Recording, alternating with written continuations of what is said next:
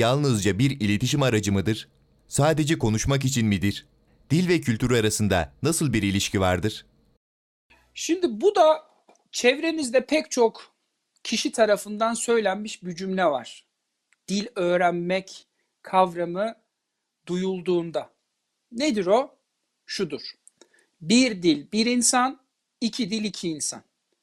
Bu her zaman için bizim duyduğumuz bir cümledir yabancı dil öğrenme sürecinde. Lancaster Üniversitesi'nde bir araştırma yapılmış. Bu ilginç araştırmada iki grubun kendilerine izletilen iki olayı diğer insanlara nasıl aktardığı incelenmiş. Bu gruplardan birisi ana dili Almanca, diğeri ana dili İngilizce. İki grup aynı olayı yabancı dillerinin ve kültürlerinin etkisiyle farklı özellikleri ortaya çıkararak anlatmış. Bu araştırmanın ilginç bir diğer boyutu ise hem Almancayı hem de İngilizceyi akıcı olarak konuşan çift dilli bireylerle gerçekleştirilmiş ve durum daha ilginç bir hal almış.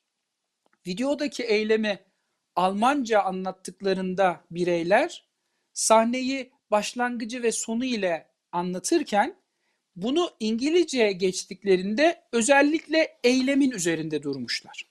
Şimdi bu araştırma bize şunu söylüyor. Kullandığımız dilin dünyayı nasıl algıladığımız ve yorumladığımız üzerinde direkt bir etkisi olduğunu gösteriyor ve bireylerin ana dili olarak kullandıkları dillerin kültürel boyutlardan bağımsız olarak değerlendirilmeyeceğini ortaya koyuyor. Bu dil kültür arasındaki ilişki sorunuzun sanıyorum ikinci boyutuydu. Bizi dil bilim konusunda dil felsefesi alanına götürüyor. Ve modern dil bilimin kurucusu olan Ferdinand de Saussure'den tutun da Michel Foucault'a kadar pek çok felsefecinin bu konuda yorumları olduğunu, çalışmaları olduğunu ve analizleri olduğunu görüyoruz. Ancak burada anmamız gereken en önemli isimlerden biri Amerikan antropolojisinin de kurucularından biri olan Franz Boas.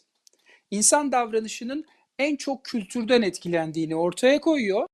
Kültürün de yaşayan bir varlık gibi çeşitli biçimler aldığını ve kendi mantığıyla bir işleyişe sahip olduğunu söylüyor.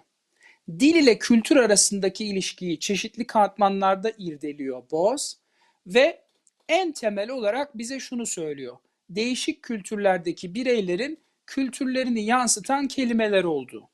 Arkasından dil bilimi alanında çok yakından takip edilen Sapir-Whorf hipotezi diye sürüle, ile sürülen hipotez karşımıza çıkıyor.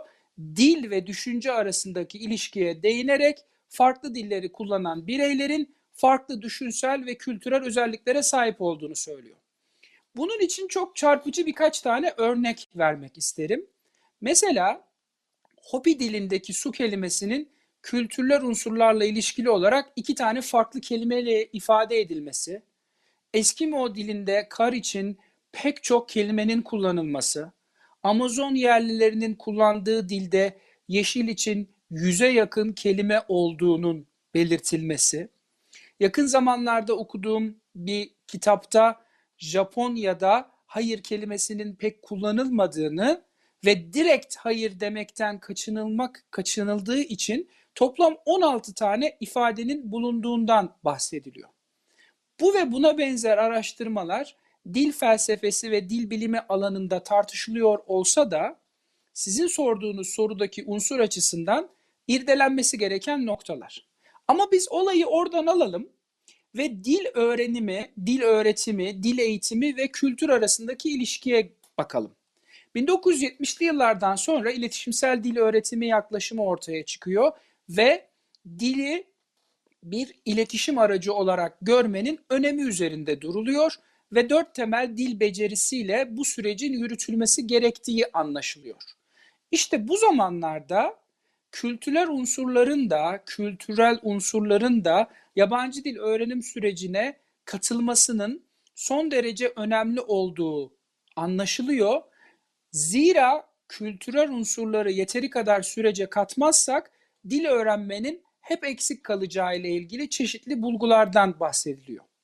Ve elimizdeki araştırmalar bize şunu gösteriyor.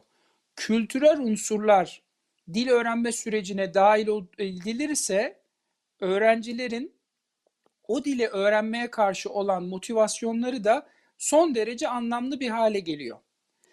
Dil ve kültür ilişkisini, ilişkisini konuştuğumuz bu soruyu Nobel ödüllü bilim insanımız Aziz Sancar'la tamamlamak isterim.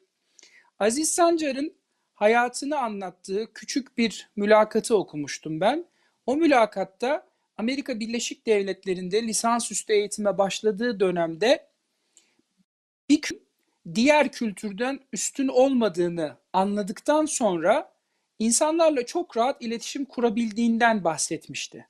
Yabancı dil eğitiminde de kültürler arası farklılıklara duyarlı bireyler yetiştirmek ve kültürler arası farklılıkları doğru bir şekilde yorumlayabilmek bizim yabancı dil eğitimindeki en önemli amaçlarımızdan biridir diyerek bu sorunuzu da böyle yanıtlamak isterim.